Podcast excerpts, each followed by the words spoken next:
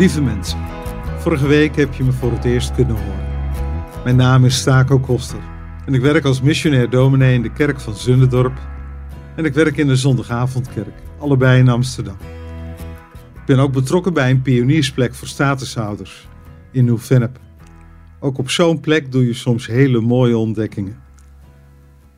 Nou ja, in deze week op weg naar Pasen lees ik vooral uit Matthäus 26. We komen er bekende namen tegen.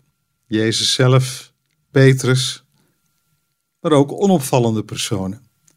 Vorige week een vrouw die zomaar binnenviel bij een maaltijd. Nu een persoon die een unieke maaltijd mogelijk heeft gemaakt. Ik zal het beeld even voor je schetsen. Het Joodse paasfeest stond op het punt van beginnen. Tijdens dit feest werd stilgestaan bij de bevrijding van het Joodse volk uit Egypte in de tijd van Mozes. Een van de onderdelen van dit feest was de Pesachmaaltijd. Ieder onderdeel van deze maaltijd herinnerde aan de slavernij in Egypte en aan de uittocht naar het beloofde land, een bevrijdingsfeest.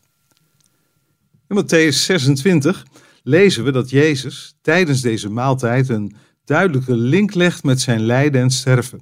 En daarmee wordt het avondmaal ingesteld zoals we dat tot op de dag van vandaag op allerlei plekken vieren.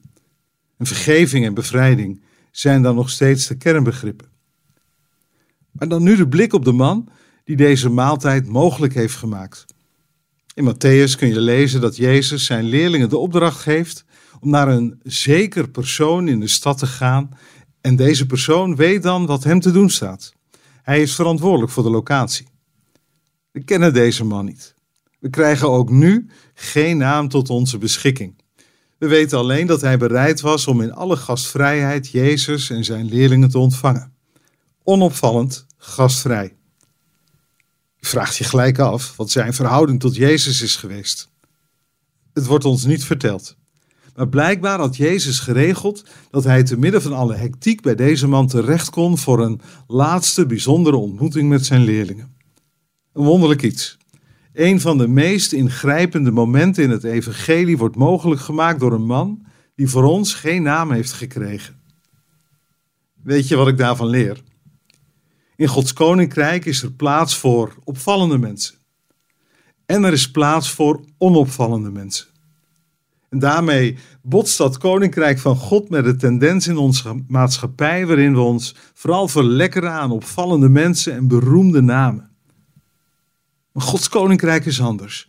Je wordt niet beoordeeld op grond van je opvallende prestaties.